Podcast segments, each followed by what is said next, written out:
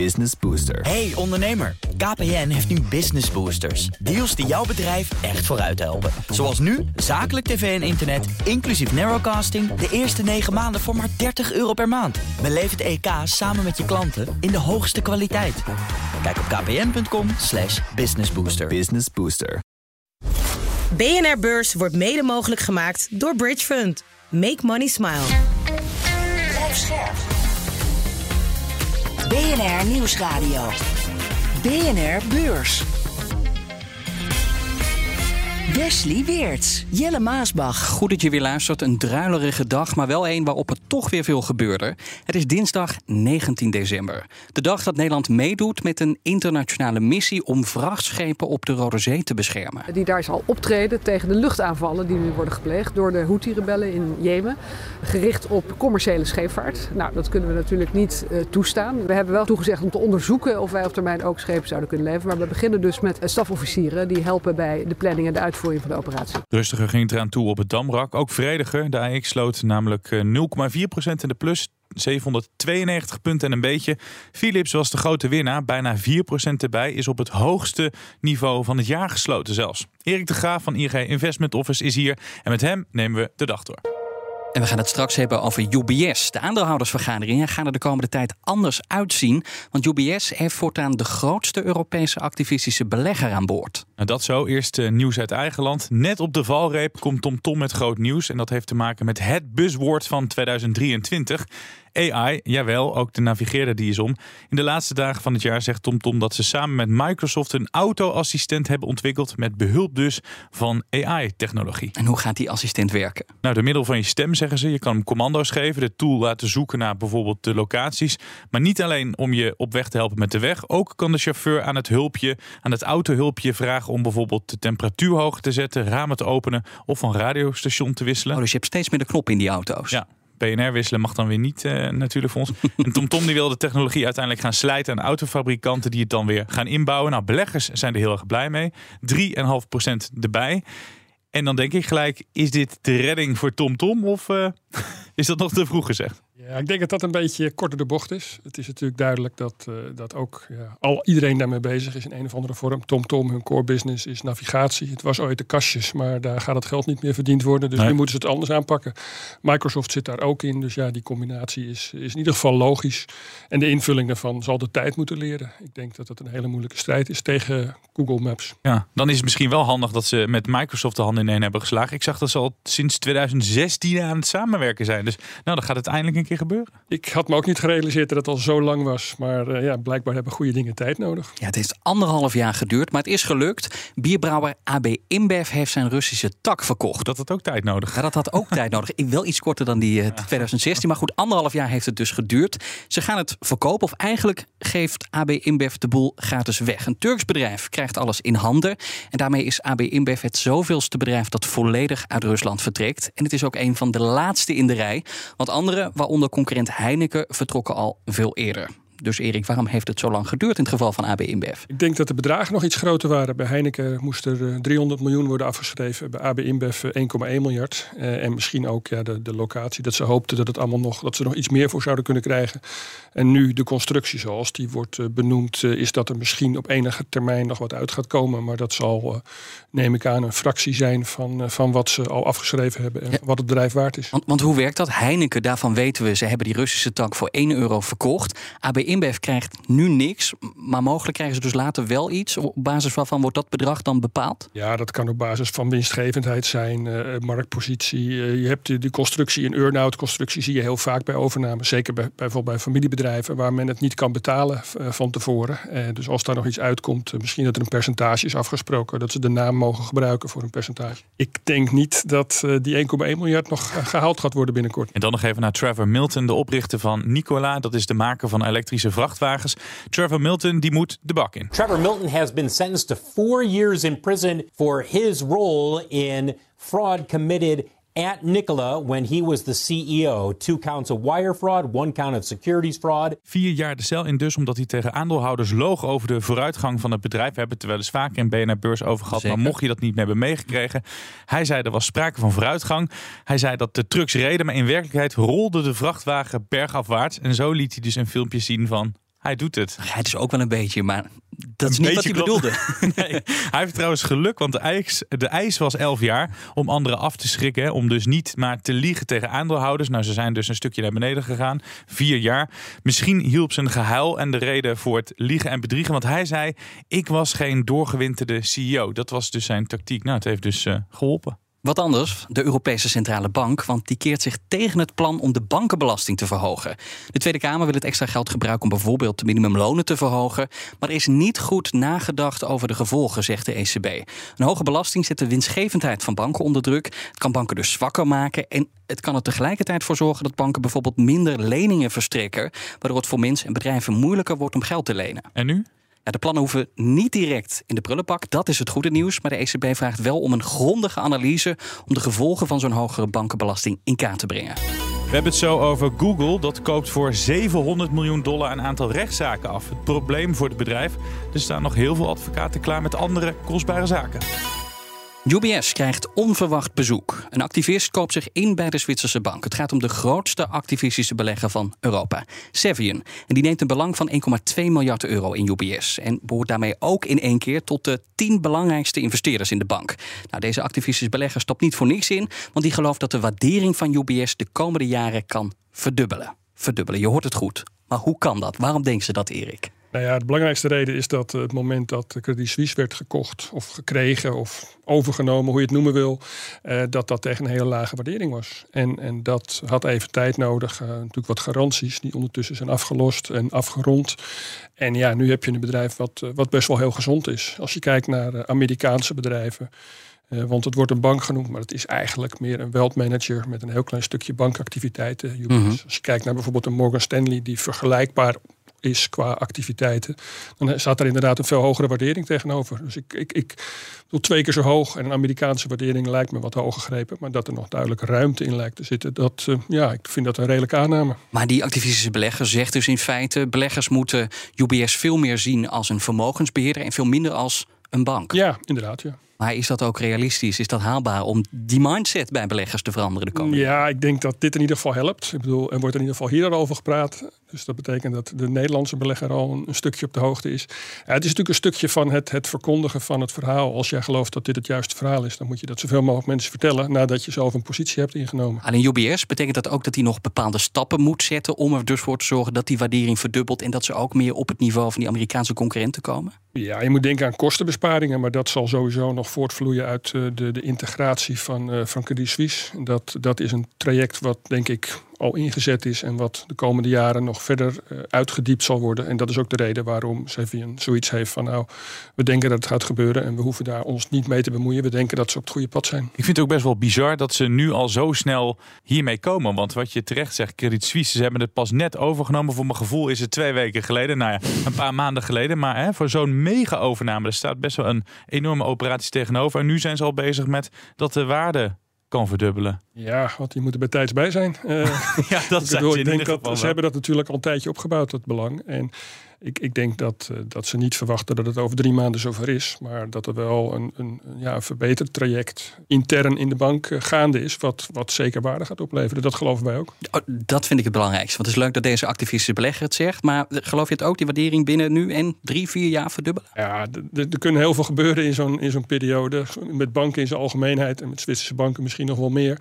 Maar dat er veel meer waarde in is gekomen door de overname van, van Credit Suisse. En dat er heel veel synergievoordelen te behalen zijn. Ja, dat geloven, geloof ik, geloven wij absoluut. Is UBS dan ook het interessantste bankaandeel? Want het is dus en het, het zit op het niveau van de Amerikanen, maar wel voor een Europese prijs kun je het krijgen. Ja, nou ja, er zijn natuurlijk nog wel andere kanten ook aan het verhaal. Je hebt eh, bepaalde groeimarkten, je hebt bepaalde gevoeligheden. Eh Zwitserse frank is, is niet per se misschien de valuta waar je in zou willen beleggen. Maar het is wel een van de interessantere verhalen, ja. En er gaan al duizenden bankiers uit nu door deze samenvoeging van Credit Suisse en UBS. Als je naar deze waarde wil, moeten dan weer ontslagen plaatsvinden? Ik denk dat er een ronde, eh, dat er nog verdere rondes zullen komen. Dit is een eerste stap eh, van mensen die niet mee hoeven. Vervolgens zal je gaan optimaliseren. Ja, zo, zo werkt het. Maar Ehm, ik werk zelf al een tijdje bij een bank in de sector. Het, het concept uh, mensen verminderen is, uh, kosten verlagen, hoe je het ook noemen wil, is, ja. is, is iets wat al twintig jaar gaande is en ook nog wel even zal blijven. Als je het mij vraagt, is dit wel een beetje een, een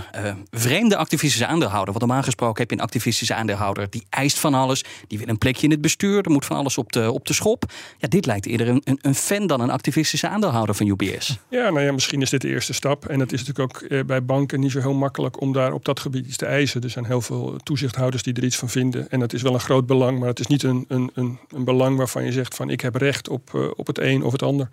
Dus ik denk dat dit een, een, uh, ja, een eerste stap is. En hij geeft ook aan dat ze op de goede weg zijn. En dat er heel veel uh, dingen, dat ze misschien kunnen helpen, maar niet, inderdaad niet dreigend. Nee, vandaag kwam er ook een rapport uit over het drama van Credit Suisse. dat is de bank die UBS overnam omdat hij op omvallen stond. En de Zwitserse toezichthouder FINMA die kreeg kritiek omdat het niet op tijd zou hebben ingegrepen. En nu schrijft het in een 84 pagina's dik rapport dat het al het mogelijke binnen de wet heeft gedaan. de toezichthouder startte bijvoorbeeld vele tientallen onderzoeken, deelde verschillende reprimandes uit, deed meerdere keren aangifte. Ja, en ze zeggen we hebben ook honderden tekortkomingen gemeld die nodig actie vereisten. Alleen uiteindelijk heeft dat er dus niet voor gezorgd dat we Credit Suisse als zelfstandige bank konden redden. En dus pleiten ze nu voor uh, ja, meer bevoegdheden. Ze willen bijvoorbeeld boetes kunnen opleggen. En ze willen ook bestuurders die verantwoordelijk zijn en problemen veroorzaken, uh, sancties kunnen opleggen. BNR Beurs. Nog even over Philips. Philips shares are on the move. The FDA saying that it is not satisfied with the way that the company handled a sleep apnea and respiratory device recall, saying that they need to conduct additional tests before they can start selling the products again. Now, this comes after the recall of millions of devices since 2021. Dit was onlangs de FDA die achter Philips aanzit. Eigenlijk iets wat al uh, twee jaar lang speelt, waar we het veel over hebben gehad. De Amerikaanse toezichthouder die Philips beschuldigt en verbetering wil zien. Maar de problemen van Philips met zijn apneuapparaten dreigen zich ook tegen de FDA te keren. Want de FDA heeft mogelijk te traag en niet daadkrachtig genoeg opgetreden tegen Philips. Dat zeggen twee Amerikaanse senatoren. Ze dringen nu zelfs aan op een overheidsonderzoek. De senatoren willen weten of de FDA nog wel goed functioneert. Ze zeggen het heeft er alle schijn van dat de FDA verschillende kansen heeft gemist om de schade voor miljoenen patiënten te beperken. Al dus, dus de politici. En ze zeggen dat er wel 30 berichten binnen waren over problemen met Philips-apparaten. Maar dat de FDA dat dus liet lopen. Ja, als je dit zo hoort, doet dit Philips dan goed? Of, of, of juist totaal niet? Dat er dan weer een onderzoek naar de FDA uh, bij gaat komen. Als je kijkt naar de argumenten waarom, wat het probleem is dat ze te laat hebben gereageerd, niet. Dat zou betekenen dat Philips dus al, al langer, of in ieder geval dat er al signalen waren. En dat is over het algemeen uh, ja, iets waar activistische aandeelhouders of uh, ja, in ieder geval claims ja. uit voortvloeien. En dat is natuurlijk ook een van de grote problemen. Zeker in Amerika. Het, het, soort bedragen wat eventueel wordt toegewezen, komt er niet altijd uit. Maar het helpt niet zo. Dat, dat, dat gaat al gauw over miljarden. Ik zei tussen neus en lippen door, maar Philips staat gewoon op het hoogste punt van het jaar. Dat is de laatste week echt in één keer aan een opmars bezig. Had jij dat zien aankomen? Nee, maar ik denk dat er heel veel bedrijven die, uh, die het moeilijk hebben gehad, uh, nog eventjes uh, meeliften met alle andere namen in de markt. Kan best een case maken dat Philips goedkoop is als ze hun normale gang operaties op orde hebben. Mm -hmm. Dat zijn een beetje de twee varia variabelen. Er kan een hele grote boete en problemen uitkomen. Dat is de grote min. En voor de rest lijkt het allemaal redelijk op orde. En dat is dan de plus. En de ene dag, de ene week wint wint het ene sentiment en de andere week het andere sentiment. Ja. BNR Beurs. Wall Street dan inderdaad. Uh, de Dow Jones, een plus van 0,5 procent. De S&P 500 ook een half procent in de plus. En de Nasdaq op een plus van 0,4 procent. Alphabet, aandeel dat opvalt omdat het voor 700 miljoen dollar rechtszaken afkoopt. En die waren aangespannen door tientallen Amerikaanse staten en claimclubs. Het draait om de Google Play Store, de appwinkel van het bedrijf. En net als in tal van andere zaken draait het ook hier weer om machtsmisbruik. Alphabet verplicht appmakers min of meer om een apps in die Play Store aan te bieden. En ook zouden mensen die apps kochten te veel hebben betaald. Want al die betalingen die moeten dan ook nog eens via diezelfde Play Store verlopen.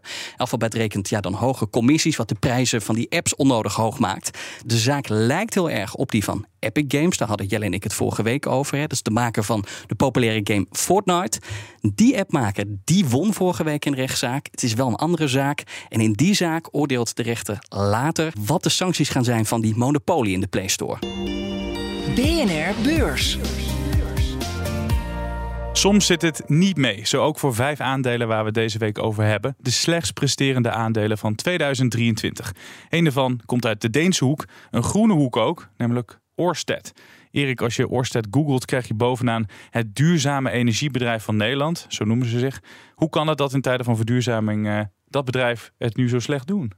Um, ja, het, begint eigenlijk bij, uh, denk twee jaar geleden, dat het bedrijf uh, heel veel ambities tentoonspreidde. Dat dat ook heel erg gewaardeerd werd door beleggers en dat die koers als een komeet omhoog ging. En nou ja, toen begon het bedrijf zelf al wat terug te krabbelen. Van ja, dat heeft tijd nodig. We moeten windparken bouwen. Dat, dat, dat gaat niet in, in, in één of twee maanden. Dat, dat heeft langer nodig. Beleggers wilden dat een tijdje niet horen. En toen kwamen de cijfers na verloop van tijd. En toen bleek inderdaad dat het ja, toch wel wat langer ging duren. Ja. Um, volgende stap is dat er heel veel de kosten hard stegen. Het, is natuurlijk, het zijn grote infraprojecten. Dat betekent dat uh, hoop, hoop staal, uh, arbeidsloon, transport. Dat ging allemaal in de coronatijd ging, ging dat, uh, met, met tientallen procent omhoog. En dat hadden ze onvoldoende in, ingecalculeerd. Ja. Normaal het, hun businessmodel is dat ze iets gaan bouwen en dat ze halverwege het proces een stuk verkopen voor de hoofdprijs en dat ze het volgende kunnen gaan bouwen. Nou, dat verkopen voor de hoofdprijs werd lastiger om diezelfde reden. Eh, en dan loop je tegen een heleboel dingen tegelijk aan. En dat heeft er eh, dit jaar toe geleid dat ze eigenlijk in, in ja, de verliezen indoken, dat ze grote problemen kregen met hun liquiditeiten en dat ze dus ook een aantal projecten eh, niet meer gingen uitvoeren. Simpelweg omdat ze het nooit meer rendabel konden uitvoeren. Nee. En dat zijn uh, zaken die het uh, ja, niet, niet helpen voor de koersontwikkeling. Het aandeel is misschien ook wel te hard gestegen, maar ze kampten ook nog eens een keer met, met financiële tegenvallers. Ja, en, en ook, uh, kijk, het moment dat je projecten niet door laat gaan, betekent het dat je toekomstige verdiensten er niet zullen komen. En dat is natuurlijk, je, je kan het daadwerkelijk afboeken doet pijn. Maar het, simpele feit dat je iets niet gaat bouwen, betekent ook dat je er geen inkomsten uit, uh, uithaalt. En dat betekent dat je kredietwaardigheid onder druk komt. En dat er in ieder geval twijfel ontstond over of ze het, het, zonder bijvoorbeeld claimemissie uh, verder konden. Ik denk dat dat wel weer een klein beetje tot rust is gekomen. Maar ze zijn van niks aan de hand tot, tot in ieder geval discussiepunt geworden. Ja die windmolenparken, dat was een beetje de holy grail, leek het wel. Daar richten zich heel erg op. Mm -hmm. Is het ook te risicovol omdat die investeringen veel te groot daar zijn? Nou ja, te, te groot. Ze waren in ieder geval nieuw en uh, ze hebben daar op verschillende momenten hebben ze daar uh, ja, te positieve inschattingen gemaakt. En dat lag ook voor een stuk doordat we opeens inflatie zagen in materialen, maar bijvoorbeeld ook verkeerde inschattingen. Kabels bleken veel dikker dan nodig, of bleken nodig dat ze dikker waren om mm -hmm. stroom te vervoeren. Um, heel veel zaken die uh, ongetwijfeld doorgerekend waren, maar die toch tegenvielen. En dat is een beetje het, het thema bij grote projecten. Uh, het is altijd een stuk duurder dan je denkt. Ja, wat ook tegenviel, was dat veel overheden op een gegeven moment afhaakten. Waarom zeiden die, nou stop maar met het bouwen van die uh, windmolenparken? Ja, enerzijds omdat de kosten uh, opliepen en anderzijds omdat er toch ook her en der wat, wat protesten kwamen. En dat verschilt een beetje per regio hoe dat, uh, hoe dat opgevangen werd. Maar ja, het is uh, als, als beeldvervuiling werd het, werd het gezien. Eh, maar ook zeker aan de kostenkant. Alleen had Oosted daar dan geen afspraken over gemaakt? Van als wij eenmaal beginnen of de financiering is rond... dan kun je als ontwikkelaar niet, niet terugtrekken of op, als uh, opdrachtgever? Ja, het grootste probleem in Amerika waarom zij zeiden... van wij kunnen dit niet voor dit geld uh, afleveren... dus we willen graag een, een, een 30% meer ontvangen. En toen zei de Amerikaanse of de New York overheid van nou, dat dachten we toch niet... Dus ja, dan uh, hebben ze teruggegeven mm -hmm. en, en, dus een verlies gepakt. In veel andere gevallen zie je dat, uh, dat een, een, veiling niet werkt, omdat er geen partijen zijn die het voor die prijs willen. En dan nee. moeten ze dus allebei de, de, de, partijen moeten dan, dus de, de aanbieder en de, en de afnemers moeten weer terug naar de tekentafel. En ik denk dat dat wel weer goed komt, alleen tegen een hogere prijs. Ja, nou is Orsted natuurlijk niet de enige. Je ziet een beetje in die hele sector van, van groene energie, duurzame energie, dat die bedrijven de aandelen gedaald zijn, dat ze het kampen met die hoge financieringskosten. Er is wel een lichtpuntje, behalve dat we dus meer gaan verduurzamen, is ook dat die rente misschien volgend jaar weer wat lager wordt. Geeft dat wat lucht voor die, voor die bedrijven? Ja, in principe wel. Uh, het is natuurlijk wel zo dat een heleboel van die bedrijven al, al vorig jaar bij hele lage rentes hebben geherfinancierd. Nou, dus ten opzichte van dit jaar zullen de rentes lager zijn. Ten opzichte van hun oorspronkelijke financieringsniveau zal het alsnog een stuk hoger zijn. Ja. En projecten die, uh, ja, die, die, die financier je door, het, door de tijd heen. Dus het is. Uh, je aannames zullen, zullen aantrekkelijker worden. Maar ik denk dat ook, iedereen ook wel een stuk voorzichtiger is geworden met dat alvast meenemen. Dus de, als het goed is, dan komt hier op enig moment wel wat winst weer uit voor de verschillende partijen. Maar tot die tijd zal het in ieder geval worstelen zijn. Ja, worstelen was het dus ook dit jaar voor beleggers. Bijna gehalveerd, die, die beurskoers. Wat wordt 2024 dan voor jaar? Gaan we nog een keer zo'n bijna halvering zien? Of denk jij dat toch wel weer voorzichtige sprake van herstel gaat plaatsvinden? Ja, ik, ik, ik denk dat, je, dat ze heel veel pijn hebben gepakt door af te boeken, door dingen stop te zetten, et cetera. Eh, de grote vraag eh, was, kunnen ze alles financieren? Nou, daar heeft de rente geholpen. Dus ik denk dat normaal gesproken dat de grootste pijn wel geleden is. Eh, de vraag, het vervolg is eigenlijk van ja, waarom gaat het nu weer beter dan dat de aannames zijn? Dus waarom kan die koers dan weer hard omhoog? Ja dat, dat zie ik ook nog niet zo. Maar ja, ik denk wel dat, dat we een heel stuk op weg zijn om, om, om, om bodem te vormen. Ja, en West, West zijn net terecht. Er zijn heel veel andere bedrijven die hier last van hebben. Orsted is niet de enige. Is dit dan de beste van de slechtste? Of uh, Oeh, steek je ze niet uh, uit, bovenuit? Ze, ze zijn de enigen die zich hier helemaal op, op, op, op uh, toegespitst hebben. Er zijn een heleboel andere energiebedrijven die ook nog andere activiteiten hebben. Dus dan bijvoorbeeld uh, ja, transport, dan wel uh, windmolens of zonnepanelen Mhm. op het land. Dus dan, dan raakt het ze minder. Die projecten blijken dus risicovol. Je zegt er wordt nu een bodem gevormd. Vanaf wanneer durf jij weer in te stappen in dit soort aandelen? Want daar zit wel de toekomst. Uh, daar zit zeker de toekomst. Maar ja, de, de ervaring leert ook dat uh, niet altijd de, de producenten van, van ja, groene producten, denk aan zonnepanelen, ook hetzelfde verhaal, dat daar het geld verdiend wordt. Misschien meer met de toepassingen. Maar zonder producenten geen transitie. Nee, maar ja, dat wil niet zeggen dat je als aandeelhouder daar per se op, op die manier in moet stappen. Er zijn vaak genoeg liefhebbers. En dat is ook waar, het, waar je vaak tegenaan loopt, dat er te veel liefhebbers zijn op enig moment. Over drie uitzendingen van BNA Beurs is het alweer kerst. Tijd voor cadeautjes. En ja, ons gratis cadeau, dat heb je al te pakken. Dat was Erik de Graaf.